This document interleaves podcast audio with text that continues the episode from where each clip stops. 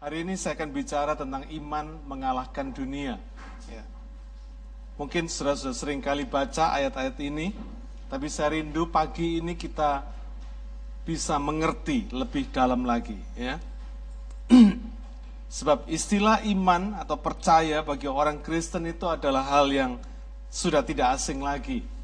Tapi makna dan praktek iman itu yang masih sering menjadi pergumulan. Kalau kita ingat Abraham dan Sarah yang impoten dan mandul, Tuhan menjanjikan kepada mereka bahwa keturunan Abraham dan Sarah ini akan menjadi bangsa yang besar. Padahal satu anak aja mereka belum punya. Ya. Nah, apa dasar mereka beriman? Apa dasar mereka berharap kepada Tuhan? Dan bagaimana iman mereka itu mengalahkan kemustahilan keadaan mereka? Mari kita sekarang baca dari 1 Yohanes pasal yang kelima, ayat 3 sampai 5. Yang pertama pagi ini kita akan belajar dulu tentang pengertian iman. Ya. 1 Yohanes pasal yang kelima, ayat 3 sampai 5. Sebab inilah kasih kepada Allah, yaitu bahwa kita menuruti perintah-perintahnya. Perintah-perintahnya itu tidak berat, sebab semua yang lahir dari Allah mengalahkan dunia. Dan inilah kemenangan yang mengalahkan dunia, iman kita. Siapakah yang mengalahkan dunia? Selain daripada dia yang percaya bahwa Yesus adalah anak Allah. Setelah dari ayat ini kita bisa melihat bahwa orang yang mengasihi Allah itu adalah orang yang menuruti perintah-perintahnya. Tegas sekali di sini. Karena perintah-perintahnya itu tidak berat. Dengan kata lain, bisa dilakukan, betul nggak? Tidak berat kok, perintah-perintahnya itu tidak berat. Artinya bisa dilakukan. Saya selalu katakan bahwa Tuhan itu tidak pernah ber, beri kita firman kalau kita nggak bisa lakukan. What for, gitu? Jadi kalau Tuhan memberikan kepada kita firman, Tuhan tahu kita bisa melakukannya. Dengan pertolongan Tuhan, apa sih yang kita nggak bisa? Pasti kita bisa. Nah demikian juga firman ini ditegaskan. Perintah-perintahnya itu tidak berat. Jelas sekali. tidak berat, artinya bisa dilakukan, tapi sering kali kita tidak mau melakukan. Ini menjadi persoalan. Bahkan sering Tuhan diperintah untuk menuruti kehendak kita. Bukan kita menuruti perintah-perintahnya, tapi Tuhan disuruh menuruti kehendak kita. Ini yang menjadi masalah. Ya. Dan orang yang mengasihi Allah dan menuruti perintah-perintahnya ini disebut sebagai orang yang lahir dari Allah. Ya. Orang yang lahir dari Allah yang biasa disebut sebagai lahir baru. Karena pekerjaan Roh Kudus mengalami transformasi rohani menjadi ciptaan yang baru.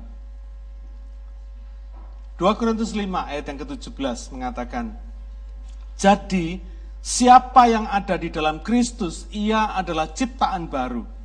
Yang lama sudah berlalu, sesungguhnya yang baru sudah datang. Ini yang dimaksud dengan orang yang menjadi ciptaan baru. Orang yang mengalami transformasi rohani. Diubahkan oleh karena pekerjaan roh kudus.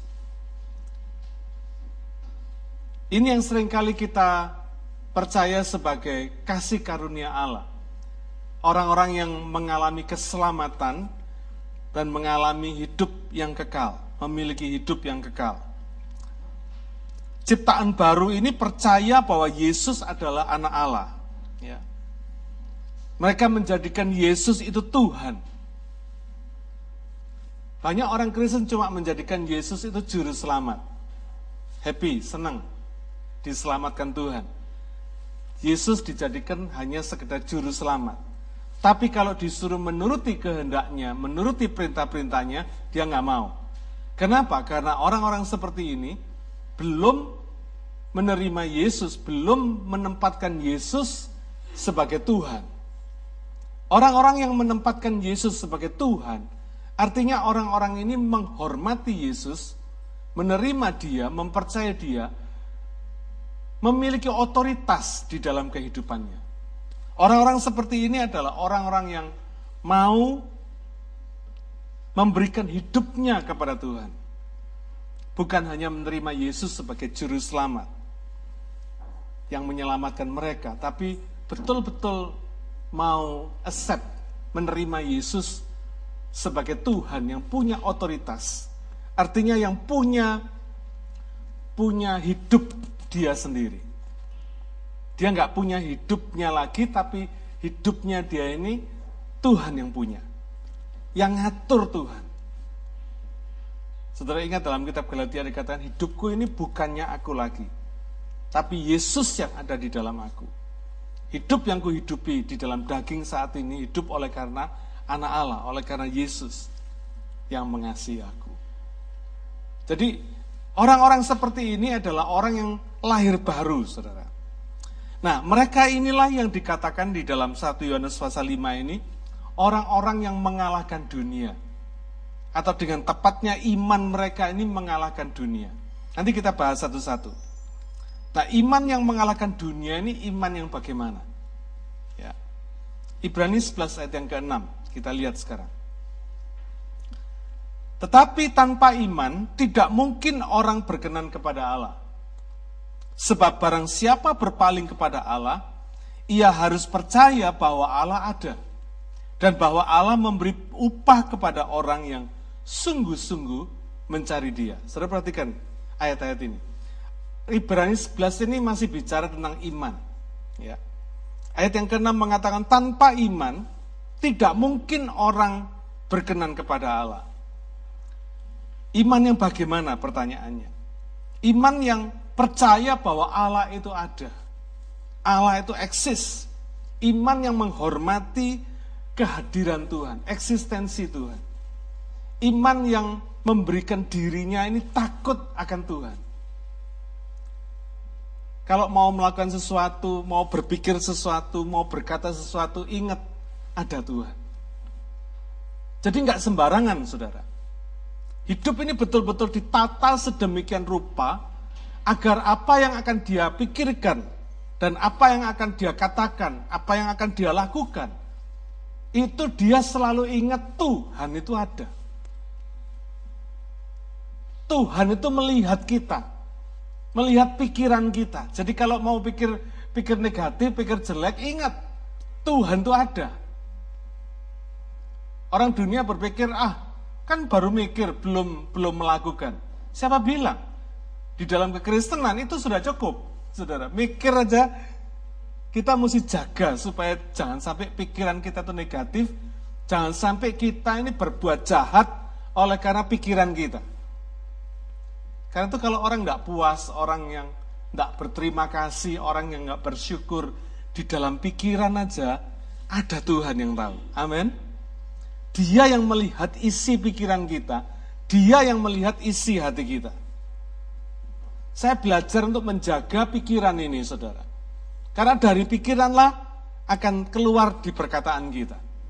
Jadi kalau sampai perkataan kita keluar sesuatu yang jelek, sesuatu yang negatif, itu pasti sudah lama di dalam pikiran. Ya. Storage-nya sudah penuh. Makanya akhirnya melimpah keluar melalui perkataan. Nah kalau sudah begitu, tinggal dilakukan. Karena itu hati-hati dengan pikiran. Belajar betul-betul jaga pikiran. Karena apa? Selalu ingat, Tuhan itu ada. Amin. Tuhan itu ada. Jadi jangan kita mikir sedikit aja. Tidak berterima kasih atau tidak bersyukur kepada siapa pun juga, terutama kepada Tuhan. Ya. Hati-hati, saudara. Nanti ada hubungannya ini. Kenapa sih kita ini perlu hati-hati?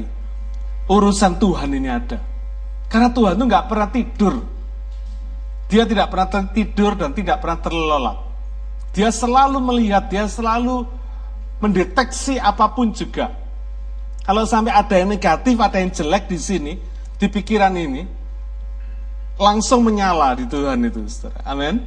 Ada sesuatu yang menyala, karena Tuhan itu positif, saudara. Ada yang negatif sudah nggak bisa ketemu sama Tuhan. Ya. Ini mesti hati-hati. Karena dia melihat, dia mengetahui. Dia omniscience dikatakan. Dia maha tahu, apa pun juga dia tahu. saudara baru mikir, dia sudah tahu. Ya.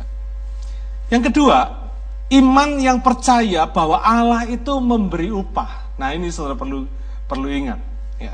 Kenapa tadi saya katakan kita ini mesti hati-hati. Kenapa? Karena iman itu percaya bahwa Allah itu memberi upah. Reward artinya sesuatu yang diterima oleh orang yang do something, itu reward, itu upah. Kalau saudara bekerja, saudara mendapat gaji, mendapat upah, itu adalah reward karena apa? Pekerjaan saudara. Ini bukan lagi kasih karunia. Saudara mesti ingat ini ya.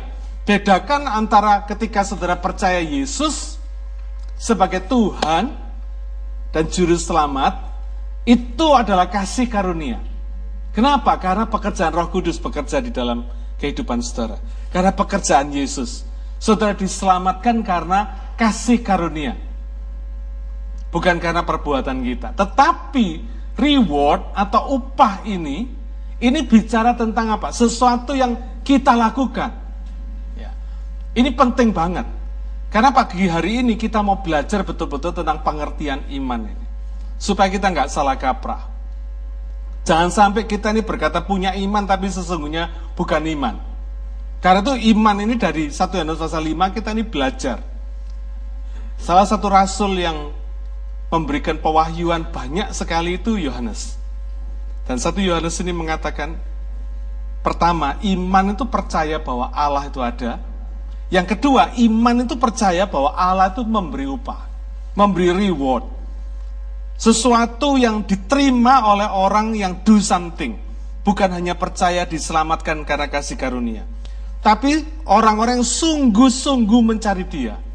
Yang sungguh-sungguh mengasihi dia. Yang sungguh-sungguh mentaatinya. Sungguh-sungguh menghormati dan melakukan perintah-perintahnya. Ini reward. Karena itu dulu pernah saya katakan, saya percaya. Orang yang rajin ke gereja, itu ada rewardnya. Siapa yang percaya? Iya, sungguhan saudara. Ya. Tidak percaya cobaan. Ya. Menghormati hari sabat Tuhan. Ada rewardnya, bukan semau gue. Saya ketemu sama orang-orang Kristen, orang-orang yang mengaku jemaat, orang yang mengaku anak Tuhan, tetapi hidup semau gue. Ya. Minggu mau ke gereja ya ke gereja, moodnya lagi mau ke gereja ke gereja. Kalau enggak ya enggak. Gitu saudara ya. Lagi males ke gereja mau jalan-jalan mau shopping mau klinong-klinong ke sana sini ya suka-suka gua gitu ya. Ini gawat. Ya. karena orang-orang seperti ini adalah orang-orang yang tidak bakal dapat reward. Percaya? Iya loh saudara. Karena apa? Dia lupa Allah itu ada. Saudara Tuhan tuh nggak bisa dibuat sembarangan semau gue. Orang masih bisa. Tapi Tuhan tidak bisa. Dia itu Allah yang luar biasa. Yang dahsyat luar biasa. Kemarin malam saya lagi persiapan. Tiba-tiba saya diingatkan, ini bulan Agustus. Saya pernah baca di satu artikel, selama bulan Agustus ini, kalau saudara malam ya, jam 8 atau ya jam 9 pokoknya sudah sudah agak larut. Saudara keluarlah selama enam bulan dari bulan Agustus sampai Desember. Ini kesempatan saudara melihat fenomena alam yang luar biasa. Saudara bisa melihat galaksi itu dengan mata telanjang. Tidak perlu pakai teleskop, saudara bisa lihat galaksi Bima Sakti dan semua apa eh, planet-planet ada Sagittarius, ada ada Neptune, ada segala macam itu saudara bisa lihat dengan mata telanjang. Ya. Nanti malam mulai nanti malam saudara boleh lihat. Ya. Usahakan lihat di tempat yang gelap supaya saudara bisa tidak terpolusi dengan cahaya. Sehingga saudara bisa melihat betul rasi-rasi bintang yang ada. Ini cuma di, bisa dilihat antara bulan Agustus sampai Desember. Ketika saya melihat di atas, saya mengagumi betul. Ini rasi-rasi bintang ini cuma galaksi Bima Sakti aja yang kelihatan. Tapi di luar rasi bintang ini, ada jutaan rasi bintang yang lain, saudara. Ada jutaan klaster-klaster yang lain. klaster bintang yang lain. Dan itu di setiap klaster itu ada jutaan lagi planet, saudara. Bayangkan ya. Nah, saudara pikir Tuhan itu sebesar apa? Yang bisa kita remehkan dia? Oh, enggak bisa, saudara. Enggak bisa. Tuhan itu enggak bisa diremehkan. Bukan kita nganggap Tuhan itu bagaimana, bukan. Kita ngeremehkan Tuhan, Tuhan itu tetap enggak bisa diremehkan. Kita anggap Tuhan itu bagaimanapun juga dia tetap Tuhan. Yang mulia, besar, dan luar biasa. Semalam saya pandangi langit itu begitu luar biasanya. Saya lihat, wah, ini baru yang kelihatan. Ya, yang kelihatan aja saudara udah nggak bisa ngitung. Saya coba berusaha menghitung ya, bintang-bintang yang kelihatan, nggak bisa saudara ya. Karena begitu banyaknya. Tetapi kira-kira mana yang lebih banyak? Yang bisa kita lihat atau yang tidak bisa kita lihat? yang tidak bisa kita lihat. Sesuatu yang rasi bintang atau galaksi yang planet-planet yang bisa kita lihat itu adalah yang berjarak beberapa ribu tahun cahaya yang masih bisa ditangkap dengan mata kita. Di luar itu ada planet-planet, ada jutaan klaster, ada jutaan planet di setiap klaster itu yang jauhnya itu jutaan tahun cahaya, saudara. Itu yang tidak bisa dilihat sama mata kita. Bayangkan Tuhan itu seperti apa. Dia yang ciptakan itu semua.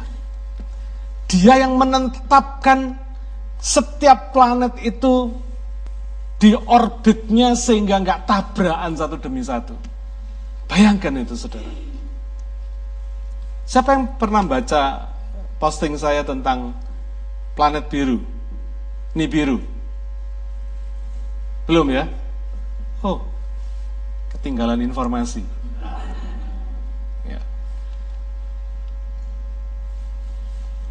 Bulan Agustus ini juga, minggu-minggu ini, ada satu planet yang namanya Nibiru. Saudara bisa baca di jurnalnya NASA. Ya. Nibiru ini disebut juga sebagai planet X. Planet yang setiap sekian 300 ribu tahun sekali itu mendekati bumi. Jadi ini adalah generasi yang sungguh-sungguh bersyukur ya kita mengalami banyak fenomena alam yang kita alami di generasi ini. Karena orbitnya yang begitu besar, dia cuma punya cycle yang 300 ribu tahun, ini menurut perhitungan para ahli, yang dia orbitnya mendekati bumi. Tetapi yang dikhawatirkan oleh NASA kali ini orbit dia ini sangat mendekati bumi. Sehingga diperkirakan global warming yang sekarang ini lagi di, diperdebatkan oleh banyak orang di dunia ini itu di, dikhawatirkan akibat Nibiru ini, akibat planet X ini.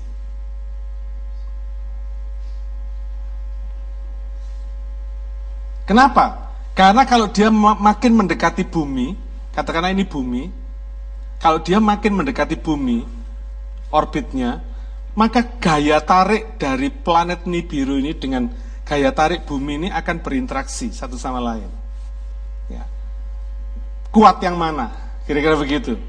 Kalau kuat yang planet ini, kuat planet Nibiru ini, maka gaya tarik bumi ini akan terpengaruh. Sehingga air air laut akan naik. Ya, panas, makin panas dan sebagainya. Pengaruhnya, cuaca jadi kacau kalau nggak karu-karuan. Dan itu yang diper, diperhitungkan oleh NASA, yang dikatakan oleh NASA. Karena Nibiru ini besarnya itu tiga kali atau empat kali lebih besar daripada bumi. Jadi logikanya gaya tariknya ini lebih besar daripada gaya tarik bumi, saudara. Tidak perlu takut, karena memang yang ditakuti oleh NASA, karena begitu besarnya pengaruh ini, maka terjadi kekacauan di bumi ini. Bukan cuma air laut naik, tapi juga gunung-gunung berapi, mahmanya akan keluar semua. Bayangkan kalau seluruh gunung api di dunia ini meletus semua bareng-bareng. Bayangin aja, kira-kira kacaunya bagaimana. Gunung Sinabung aja meletus, tahu ya Gunung Sinabung di Sumatera Utara meletus, 700 penerbangan di Singapura maupun di Indonesia di cancel semua. Bayangin kalau seluruh gunung berapi di bumi ini meletus semua bareng-bareng gitu. Sebentar dus satu, sebentar lagi dus satu gitu ya. Bisa kacau semua bumi ini. Nah, saudara bayangkan itu itu adalah kekhawatiran NASA. Saudara bisa baca kok di jurnalnya. Saya saya dengar videonya itu panjang sekali. Tapi saudara bisa baca di artikelnya, di jurnalnya. Saudara bayangkan, itu baru fenomena alam yang terjadi di bumi dan Nibiru atau planet X ini. Bayangin Tuhan itu seberapa hebatnya. Dia yang menciptakan itu semua. Dia yang menjaga keharmonisan dan kesinambungan kehidupan alam semesta ini. Sehingga nggak sampai tabrakan. Saling berinteraksi gaya tarik buminya sama planet Nibiru ini ya mungkin terjadi gitu ya. Tapi enggak, kemungkinan ya enggak sampai terjadi sampai seperti yang NASA takutkan. Karena menurut NASA, kalau sampai ini terjadi seperti yang mereka takutkan, maka itu adalah the end of the world. Alias kiamat, kira-kira begitu saudara ya. Karena kekacauan itu sudah tidak bisa dihindari lagi. Dan yang sekarang mereka prediksi, kekacauan weather, ya, cuaca yang pada hari ini terjadi. Begitu banyaknya siklon-siklon, ya, begitu banyaknya uh, gelombang laut yang tinggi-tinggi, begitu banyaknya gempa bumi, itu semua akibat fenomena alam yang saling berinteraksi ini tadi. Nah, maksud saya apa? Saya ceritakan ini semua. Itu baru kecil kejadiannya. Antara kejadian planet, bumi, dan Nibiru atau planet X. Sudah begitu. Bayangkan ada jutaan planet di setiap klaster. Dan ada jutaan klaster di sana, saudara. Yang tidak kelihatan oleh mata telanjang ini. Dan semua itu Tuhan yang ngatur. Tuhan yang menciptakan dan Tuhan yang menempatkan. Dan Tuhan yang memelihara alam semesta ini. Sebegitu dahsyat. Sampai semuanya bisa berjalan dengan baik. Bayangkan, Tuhan yang seperti itu mau kita remehkan tidak bisa. Amin. Saudara setuju? Kalau Tuhan itu tidak bisa diremehkan. Karena itu mulai hari ini. Yang biasa meremehkan Tuhan. Bertobat. Bertobat sungguh-sungguh. Mulai dari pikiran, perkataan, dan perbuatan kita. Jangan dipikir orang tidak tahu. Orang nggak tahu. Tuhan tahu. Amin. Saudara sakit hati sama suami saudara, Tuhan nggak tahu. Eh, suami saudara nggak tahu. Ya, Tuhan tahu. Saudara mangkel sama istri saudara, sakit hati sama istri saudara, istri saudara nggak tahu. Tuhan tahu. Amin. Saudara dengki satu sama lain dengan saudara seiman saudara, orang itu nggak tahu. Tuhan tahu. Jangan main-main urusan ini. Karena itu pagi hari ini saya ingin mengajak saudara memiliki perspektif iman yang betul. Jangan sampai saudara berpikir, ah gue punya iman, tapi ternyata itu bukan iman. Iman itu adalah orang yang percaya bahwa Allah itu ada, dan percaya bahwa Allah itu memberi upah, memberi reward atas apa yang kita lakukan. Kalau benar, kalau nggak benar, diapain saudara? Kalau benar dikasih reward, kalau nggak benar diapain? Ada. Itu ada. Akibatnya itu ada, saudara. Bukan tidak ada. Ada. Karena itu yang gampang sekali. Kenapa banyak kita melihat orang ini sederhana gitu ya, biasa-biasa, Tapi kalau berdoa itu sebentar Tuhan kabulkan. Yang satu ini penampilannya keren kalau bicara Alkitab, wah fasih betul. Tapi berdoa sampai nungging-nungging ya juga nggak nggak ketemu doanya. Kira-kira begitu, saudara. Kenapa? Kok ada perbedaan? Sama-sama ke gereja, sama-sama orang Kristen, sama-sama baca Alkitab, sama-sama berdoa kepada Tuhan. Tapi kok seakan-akan Tuhan bikin perbedaan. Di mana perbedaannya? Di reward ini. Amin. Di reward ini. Kasih karunianya sama Tuhan kasih. Kasih karunia Tuhan mereka terima hal yang sama. Karena Tuhan Tuhan Yesus menyelamatkan juga karena kasih karunia. Tapi di reward ini, upah ini, di situ Tuhan bikin perbedaan. Karena Tuhan itu tidak bisa mengingkari firman-Nya. Dia selalu berbicara, dia selalu ber, bertindak sesuai dengan firman-Nya. Dia nggak pernah violate melawan firman-Nya sendiri. Enggak. Apa yang dikatakannya itu yang dilakukannya. Karena itu hari ini saudara saya ingatkan secara betul-betul. Jangan remehkan Tuhan. Dan marilah kita setia kepadanya. Amin. Kita sungguh-sungguh mencari dia. Ini dengan jelas firmannya ini. Bahwa Allah itu memberi upah kepada orang yang sungguh-sungguh mencari dia. Bukan yang kelihatannya sungguh-sungguh, bukan. Beda sekali. Kelihatannya sungguh-sungguh, belum tentu sungguh-sungguh. Mungkin malah kelihatannya biasa-biasa, tapi sungguh-sungguh sama Tuhan. Ya. Menghormati hari sabat Tuhan, itu bukan sesuatu yang sederhana. itu termasuk dalam prioritas bagi Tuhan. Saudara ingat ya, hormatilah hari sabat. Enam hari kamu bekerja, satu hari kuduskan hari sabat buat Tuhan. Wih, jangan macam-macam saudara. Ini sesuatu yang strict banget. Ya. Bahkan di antara kalangan orang Yahudi, mereka itu begitu menghormati hari sabat sampai Jalan jauh aja mereka tidak mau. Artinya mereka duduk diam menghormati Tuhan, menyembah Tuhan. Betul-betul menghormati Tuhan. Ya.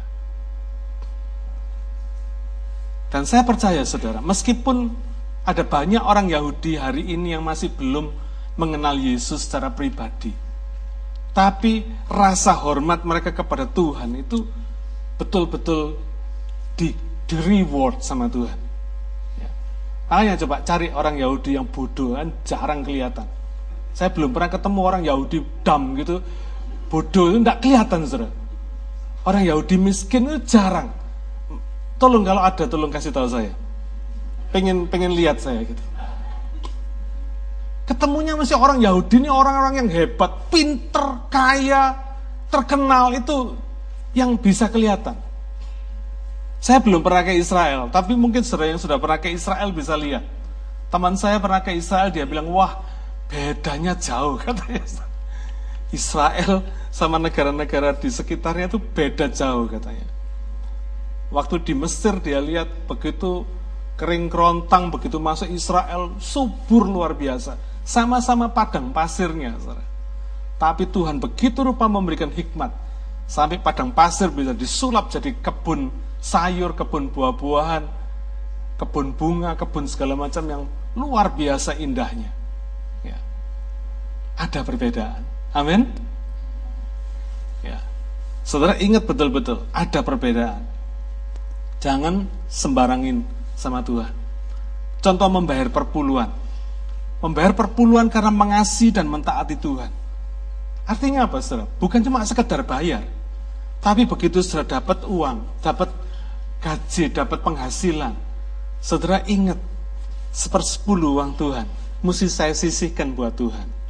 Lain loh saudara, lain. Ya. Ada sikap hati yang kita berikan kepada Tuhan karena mengasihi dan menghormati dia. Oh ini sepersepuluh ini milik Tuhan. Karena itu saya akan sisihkan untuk Tuhan. Karena apa? Miliknya Tuhan, bukan milik saya. Tapi orang Indonesia sering kali lucu. Saudara. Sering kali mereka ketemu dan sharing sama saya, iya pak, saya ini kalau kena perpuluhan kadang saya bayar kalau ingat. Kalau nggak ingat ya enggak. kadang-kadang saya ngutang berpuluhan sama Tuhan. Sengaja ngutang berpuluhan sama Tuhan. Orang seperti ini bukan sekedar bayarnya loh saudara. Tuhan tuh nggak butuh bayarannya. Tuhan nggak butuh uang kita enggak. Tapi Tuhan tuh mau sikap hati kita tadi itu. Yang memberikan kepada Tuhan karena mengasihi Tuhan. Dan karena menghormati dia. Tahu bahwa itu milik Tuhan. Dihormati. Bukan malah dihutang. Diremehkan. Saudara ada yang begitu. Nah bukan seperti yang ini. Karena ini sama sekali tidak sungguh-sungguh mencari dia. Tapi saya percaya orang yang sungguh-sungguh mencari dia sesuai firman Tuhan, Tuhan memberi reward. Oh, saudara, kalau Tuhan kasih reward itu bukan cuma sekedar materi. Tuhan kasih reward, saudara, dikasih panjang umur itu reward, saudara. Amin. Dikasih sehat itu reward.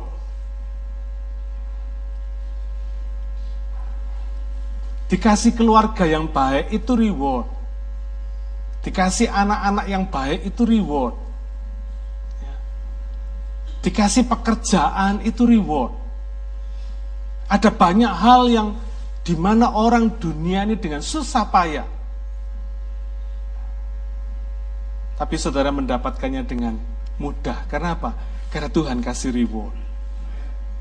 Berapa banyak orang berusaha mencari promosi, mencari jabatan, mencari kedudukan. Tuhan kasih saudara itu reward. Iya loh, gak sekedar sederhana. Orang lain cari kerjaan muter-muter setengah mati, saudara dapat kerja. Itu reward. Ya. Karena itu, saudara, sementara kita nih diberi Tuhan kesempatan untuk mencintai Dia, mengasihi Dia di dalam hidup ini. Biarlah kita lakukan dengan sungguh-sungguh, dengan bersungguh-sungguh hati kepada Dia. 2 Tawarikh 16 ayat 9. Mata Tuhan menjelajah seluruh bumi untuk melimpahkan kekuatannya kepada setiap orang yang bersungguh hati kepada dia. Kalau Tuhan mencurahkan kekuatannya, mencurahkan powernya, wah, dahsyat saudara. Hidup saudara adalah hidup yang sangat diberkati oleh Tuhan. Amin. Ya. Satu hari sapi dan babi jalan-jalan. Ngobrol. Si sapi ngomong sama babi. Bi, gua ini orang baik. Apa yang gua punya, gua kasih sama manusia. Tapi kadang-kadang mereka yang nggak tahu berterima kasih, katanya. Babi diam aja. Apa yang lu kasih, kata babi. Coba lihat. Susu gua. Dihabisin nggak pernah dikasih sama anak gua. Katanya. Gua punya susu kan mestinya buat anak gua. Tapi sama manusia dihabisin diperes semua anak gua. Cuma dikasih makanan yang lain kata. Bukan dikasih susu gua. Karena dia kebetulan sapi perah mungkin saudara ya bukan sapi potong oh si babi mantuk-mantuk sambil jalan si sapi terus mengomel menunjukkan betapa baiknya dia. Gitu. Sampailah tibalah mereka di abatoar. Tahu abatoar ya? Tempat pemotongan binatang. Lalu si babi berkata sama si sapi, Bi, bye bye. Kita sampai di sini aja ya. Gua mesti masuk ke dalam. Loh kenapa? Gua berikan hidup gua semuanya untuk manusia. Nangkep saudara ya? Tahu ceritanya ini ya? Di mana perbedaannya? Sapi memberikan apa yang dia punya. Babi memberikan hidupnya. Tidak cukup, saudara. Memberi Tuhan itu apa yang kita punya nggak cukup.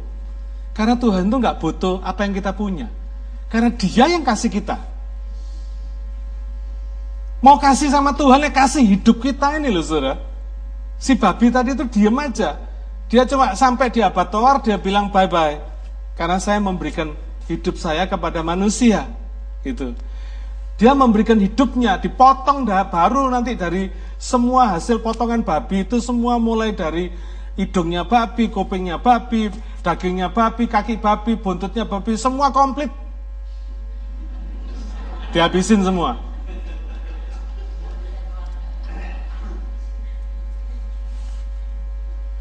Sapi ngasih apa yang dia punya, tapi babi ngasih hidupnya. Ini cuma cerita aja yang saya mau tunjukkan pada saudara perbedaannya.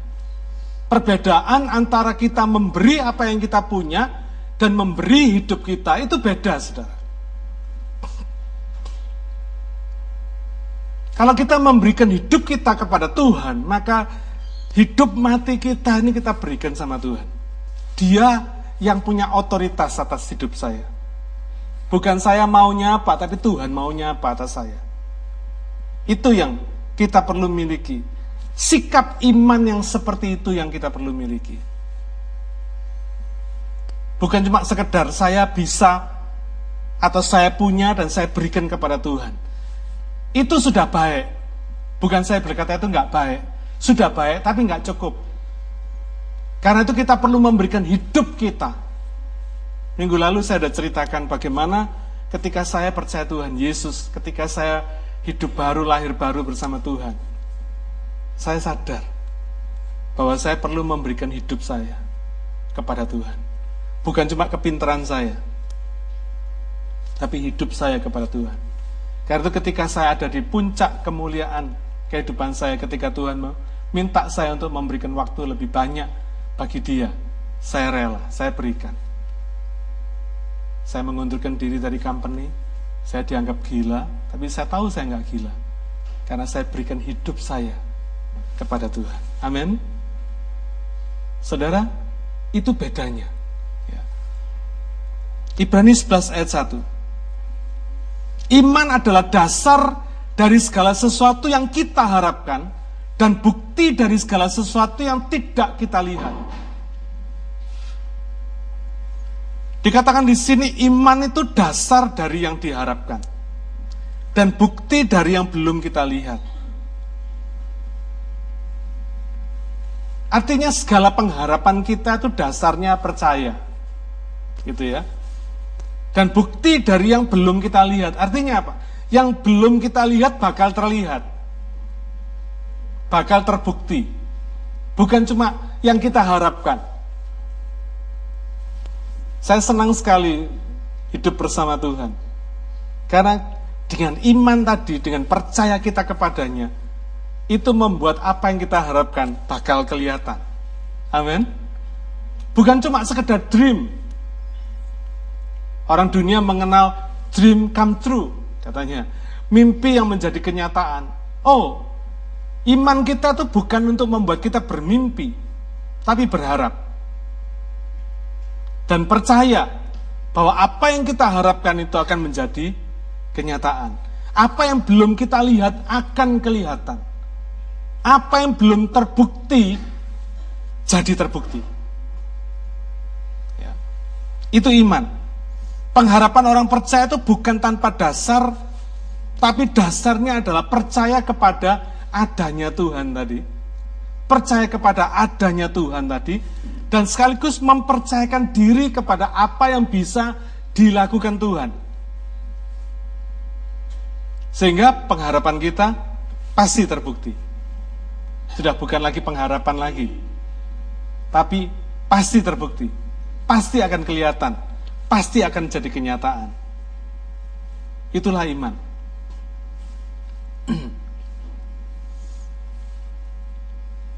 Seperti sudah ketahui mobil audisi saya rusak sudah berapa bulan. Ya. Mulai bulan Mei udah rusak. Saya pikir, wah ini bakal dikasih mobil baru sama Tuhan. Ya. Bahkan jemaat memberi support sama saya. Oh iya Pak, sudah buang aja tuh mobil. Gitu ya. Itu mobil tua nanti bakal tambah merongrong. Saya mulai mengambil langkah iman, cari mobil baru. Tapi tiap kali saya mau ngambil keputusan, sudah sampai ke dealer segala macam repoti kotio segala macam. Sampai ke dealer segala macam, ngelihat segala macam. Tiap kali saya mengambil keputusan, ada sesuatu, saya sudah hafal. yang mencegah saya di sini. No. No. Karena no terus sampai coba berubah pikiran bukan cari Honda tapi cari Toyota. Gitu ya. Cari yang lebih lebih lebih murah dikit gitu. Tetap masih no di sini, Saudara. Bukan nggak bisa tapi no di sini. Karena itu saya nggak berani melanggar. Akhirnya saya bilang sama Tuhan, kalau no terus kan berarti ini urusan gantung ini. Mobil saya sudah di rumah Pak Erwin berbulan-bulan saya bilang. Ngerepoti keluarga Pak Erwin.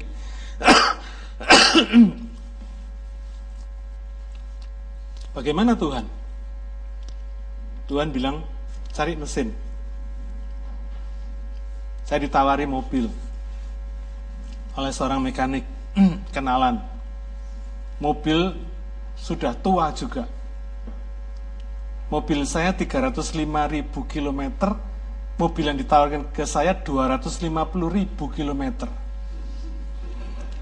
Jadi adiknya sedikit, ya, lebih muda dikit, tapi sama-sama tuanya.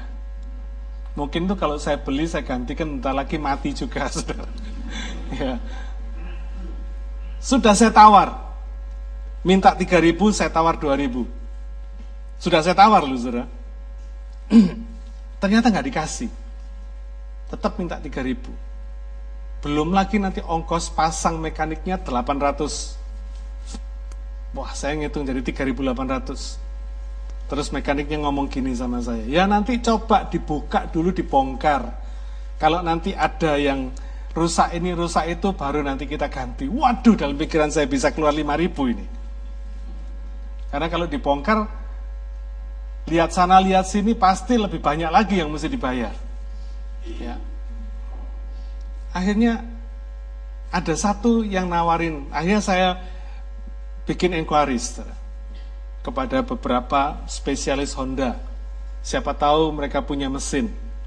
Ternyata ada ditawarkan dari Melbourne. Mesin. Murah, cuma 660 dolar. Wah, saya pikir ini Tuhan buka jalan. Luar biasa. Terus saya bilang, oke okay, kalau gitu saya beli. Waktu saya beli, dia balesin lagi, sorry, sudah sudah terjual. Waduh. Saya langsung panik, saudara. Kenapa? Karena saya sudah terlalu sungkan sama Pak Erwin. Ngerepotin dia terus ya. Berbulan-bulan, ini bukan cuma satu dua minggu, berbulan-bulan. Lalu saya panik. Saya cari lagi lewat internet. Ketika saya cari begitu, tiba-tiba Tuhan bicara, sudah, stop kamu. Kamu lakukan apa yang mesti kamu lakukan. Saya ngerti, oh itu suara Tuhan. Saya lakukan apa yang mesti saya lakukan. Saya siapkan LG Guide, saya siapkan khotbah, saya siapkan Bible Study. Apa yang mesti saya lakukan? Saya siapkan. Ternyata ketika saya melakukannya sesuai dengan pimpinan Tuhan, Tiba-tiba email saya masuk satu lagi. Penawaran dari Smithfield, Beach di Smithfield. Lebih mahal. Tapi dia tawarkan sekalian pasang lebih bagus, dia bilang. Tambah ongkos 900, pasangnya. Kalau tadi mekaniknya minta 800, tapi 900 ini termasuk nanti ganti timing belt, ganti water pump, ganti seal-sealnya semua. Baru. Wah, saya pikir Tuhan itu dahsyat. Saudara, sekarang mobil saya sedang diganti mesinnya. Apa yang saya ceritakan? Kadang-kadang apa yang menjadi keinginan kita atau menjadi pikiran kita, itu belum tentu menjadi pikiran Tuhan. Belum tentu menjadi rencana Tuhan. Tetapi kalau kita berani mempercayai Tuhan dan berani mempercayakan diri kepadanya, serta berani melakukan apa yang Tuhan inginkan, maka reward ini tidak bakal jauh dari kita. Amin. Ada rewardnya, setelah Diberikan yang terbaik sama Tuhan. Dan saya percaya kalau Tuhan yang pimpin, saya percaya Tuhan bertanggung jawab. Amin. Tidak bakal salah, saudara. Ya. Itu pengertian iman yang hari ini kita mesti ngerti bahwa Tuhan itu nggak bisa disepelekan karena Dia ada, Dia eksis dan Dia hidup. Ya. Bukan Tuhan yang mati, Tuhan yang hidup. Dan yang kedua, kalau kita mempercaya Dia, kita percaya Dia memberikan reward. Kalau Dia memberikan reward, artinya kalau kita nggak melakukan sesuatu yang berkenan kepada Dia, lawannya reward lah yang kita terima, betul nggak? Ya. Kalau kita melakukan sesuatu yang sesuai dengan keinginannya, keinginan Tuhan, kita dapat reward. Kalau kita nggak melakukan, lawannya reward yang kita terima. Ya. Yang kedua, tadi pengertian iman, yang kedua pengertian dunia. Ya, ini penting sekali. Dikatakan di situ iman mengalahkan dunia. Secara umum yang dimaksud dengan dunia ini itu yang pertama pengertiannya adalah problem dan kesulitan hidup yang kita hadapi selama di dunia ini. Betul nggak? Persoalan itu kita cuma hadapi di dunia ini. Selama kita hidup ini, ada persoalan di sini. Kalau di sorga itu sudah nggak ada ratap tangis dan air mata, betul nggak? Jadi yang dimaksud dengan dunia itu, pengertiannya adalah segala kesulitan, segala problem yang kita hadapi di dunia ini selama kita hidup. Yang kedua, dunia itu bicara tentang pemikiran atau paradigma dunia segala sesuatu yang dipercaya oleh dunia ini, yang dilakukan oleh dunia ini, yang dianggap benar oleh dunia ini. Karena belum tentu itu benar sesuai dengan pikiran dan paradigma Tuhan. Contoh, dunia ini percaya kalau uang itu nomor satu. Betul nggak?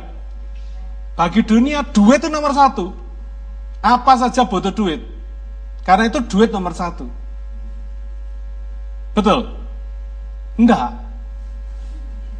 Memang kita semua butuh duit. Tapi bukan berarti uang nomor satu. Amin. Ya.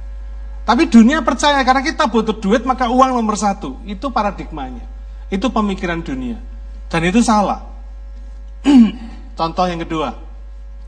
Dunia berkata begini, dagang itu tidak bisa jujur. Kamu mau dagang jujur gimana?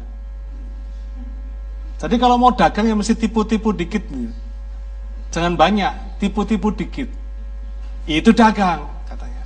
Kalau kamu nggak berani tipu-tipu dikit, jangan dagang. Nggak bakal untung kamu. Itu dunia. Apa betul? Enggak. Saya percaya ada orang yang bisa dagang dengan jujur. Nggak usah tipu-tipu, tetap bisa untung. Amin. Ya. Iya. Yang ketiga, Pengertian dunia itu bicara tentang nafsu atau keinginan dunia ini. 1 Yohanes 2 ayat 16 17.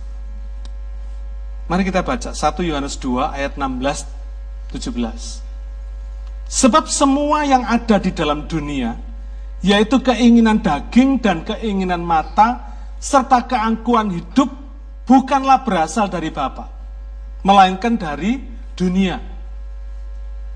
Dan dunia ini sedang lenyap dengan keinginannya. Tetapi orang yang melakukan kehendak Allah tetap hidup selama-lamanya. Dalam konteks yang kita bicarakan ini, pagi hari ini, iman yang mengalahkan dunia, saya percaya yang terakhir ini adalah yang paling relevan. Konteks yang paling relevan. 1 Yohanes pasal 2 ayat 16-17 menjelaskan pengertian dunianya, 1 Yohanes pasal 5 ayat 3 sampai 5 menjelaskan iman mengalahkan dunia. Artinya iman itu mampu mengalahkan keinginan-keinginan atau nafsu dunia ini. Dan memang jelas dunia ini dikontrol oleh keinginan-keinginannya. Karena itu saudara jangan pernah lihat ada dunia ini yang merasa puas. Ya. Dunia ini nggak pernah mengenal rasa puas. Karena kontrolnya keinginan, bukan kebutuhan. Ya. Nah banyak orang Kristen juga dikontrol oleh keinginannya ini. Orang-orang Kristen seperti ini tidak bakal bisa happy. seumur hidupnya sampai mati dia tidak bakal happy. Karena apa? Dikontrol dengan keinginannya. Sebab keinginan manusia itu tidak pernah ada batasnya. Tidak pernah bisa puas. Karena itu yang menjadi goalnya, itu yang menjadi aimnya. Aimingnya itu keinginannya, mesti dipuaskan. Keinginannya harus dipenuhi. Orang-orang seperti ini biasanya dari kecil keinginannya selalu dipenuhi. Apa aja yang diminta dipenuhi. Kalau nggak dipenuhi, nangis gulung-gulung. Jadi harus dipenuhi. Orang-orang seperti ini, kasihan, hidupnya nggak bakal puas, nggak bakal happy. Karena dia didrive oleh keinginannya. Dan keinginannya nggak pernah bisa ada batasnya. Terus ingin lebih terus. Nggak pernah ada pengucapan syukur, berterima kasih. Nggak. Ya. Nggak pernah puas dengan apa yang dia sudah punya. Karena dia akan terus didrive untuk memiliki apa yang dia belum punya. Dia selalu membanding-bandingkan satu dengan yang lain. Gua punya kok cuma kayak begini, yang lain punya kok lebih bagus. Terus begitu, padahal sudah punya. Karena jangan heran kalau di rumah ada panci sampai 20, itu jangan heran. Karena keinginan tidak terbatas. Tidak pernah terbatas. Beda dengan orang yang di yang orientasinya kebutuhan. Orang yang berorientasi dengan kebutuhan, dia pasti happy. Karena apa? Butuhnya sedikit. Gitu. Butuh makan cuma tiga kali. Saudara pernah lihat enggak? Ada orang yang mengisi kulkasnya sampai penuh sesak. Itu enggak wise. Kenapa? Karena tadi keinginannya. Dia belanja tidak memperhitungkan tempatnya. Tempatnya sudah penuh masih belanja terus. Karena apa? Matanya lihat ingin. Keinginan mata dipuaskan terus. Ingin. Lihat ini beli, lihat ini beli, lihat itu beli, lihat itu beli. Bawa ke rumah kulkasnya sudah penuh, masukkan kulkasnya semua. Busuk semua dalam kulkasnya. Nanti buangin semua. Nah orang seperti ini cirinya kelihatan, gampang sekali, kelihatan sekali. Ya. Tapi orang yang berorientasi dengan kebutuhan itu lain, saudara. Dia jadi orang yang cerdas, jadi orang yang berhikmat. Kenapa kebutuhannya? Butuhnya saudara apa? Makan cuma tiga kali kan? Berarti saudara akan beli sesuai dengan kebutuhan makan saudara. Tidak usah sampai di sesol-sesol di dalam kulkas nanti busuk semua, baru dibuangin semua.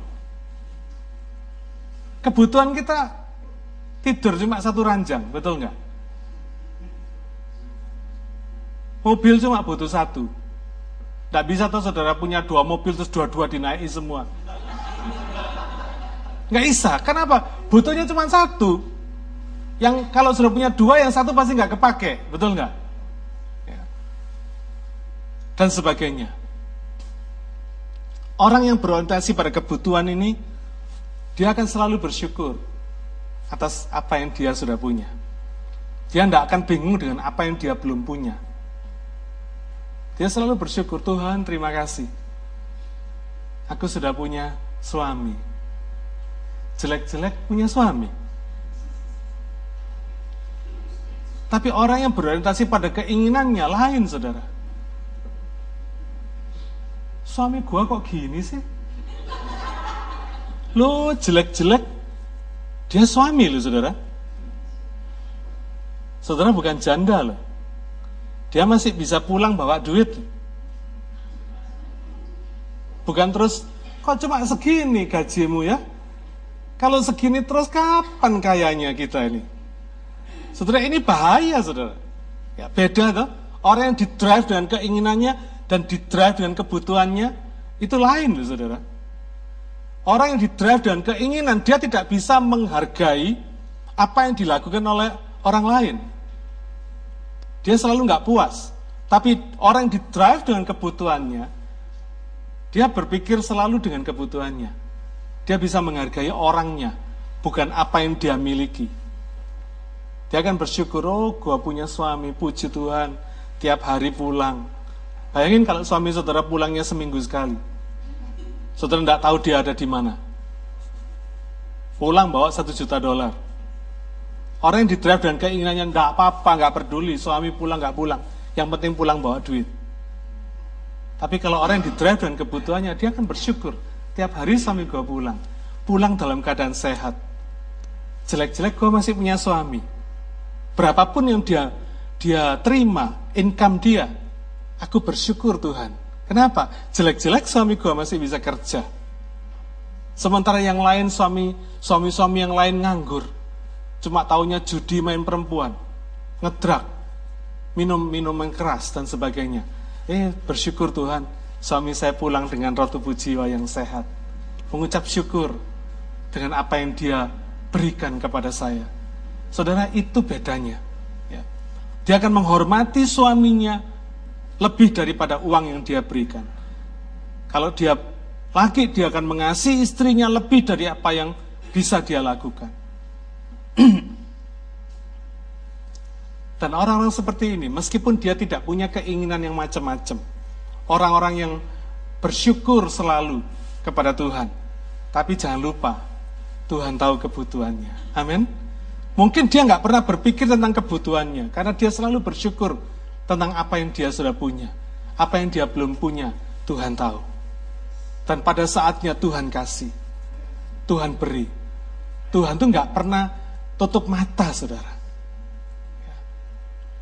Ketika satu hari saya bergumul tentang bagaimana saya bisa memberikan hidup saya sepenuhnya kepada Tuhan. Tuhan bilang sama saya, kamu nggak bisa, karena kamu masih cinta uang. Saya kaget.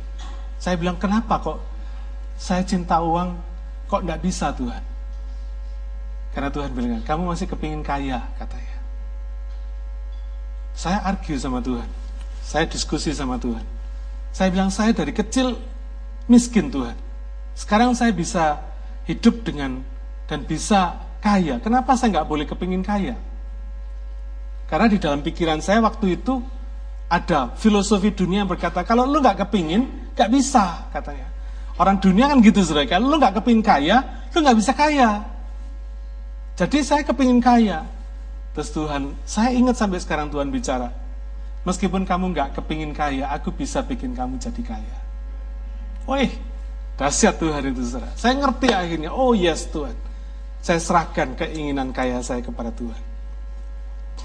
Saudara, keinginan untuk menjadi kaya itu membuat kita jadi jahat. Orang baik pun kalau kepingin kaya, kalau orientasinya duit, dia baik bisa jadi nggak baik, saudara. Bisa jadi jahat. Karena apa? Karena orientasinya duit. Kaya. Yang penting kaya. Yang penting dapat duit. Jadi dia akan menghalalkan segala cara. Dia nggak peduli yang dia tipu itu siapa. Yang dia makan tuh uangnya siapa. Kaya atau miskin dia nggak peduli. Yang penting dia dapat duit. Jadi jahat. Karena itu orang-orang yang tidak punya keinginan kaya pun Tuhan bisa bikin dia jadi kaya. Luar biasa, saudara. Ya. Nah, orang-orang seperti ini adalah orang yang bahagia. Karena apa? Dia hidup mencukupkan diri. Dia punya keputusan untuk happy dengan apa yang dia punya. Ya. Bukan apa yang dia alami baik sehingga dia happy. Tidak. Tapi meskipun dia mengalami sesuatu yang sepertinya tidak baik, tapi dia happy. Karena dia happy, maka yang tidak baik berubah jadi baik. Saudara mau makan apa saja ketika saudara happy, nanti rasanya kan enak. Tapi coba, kalau sudah siapkan makanan yang paling enak sekalipun tapi suasana hati saudara nggak happy. Enak nggak? Enggak. Nggak bakal happy. Nggak bakal enak saudara. Tapi kalau suasana hati saudara happy, apa pun yang saudara makan, nikmat rasanya. Ya. Orang seperti ini pasti happy, pasti bahagia. Seumur hidupnya dia bahagia. Ini yang dimaksud dengan iman mengalahkan dunia. Yang paling relevan Iman itu adalah mengalahkan keinginan diri kita sendiri. Di samping mengalahkan persoalan-persoalan hidup kita.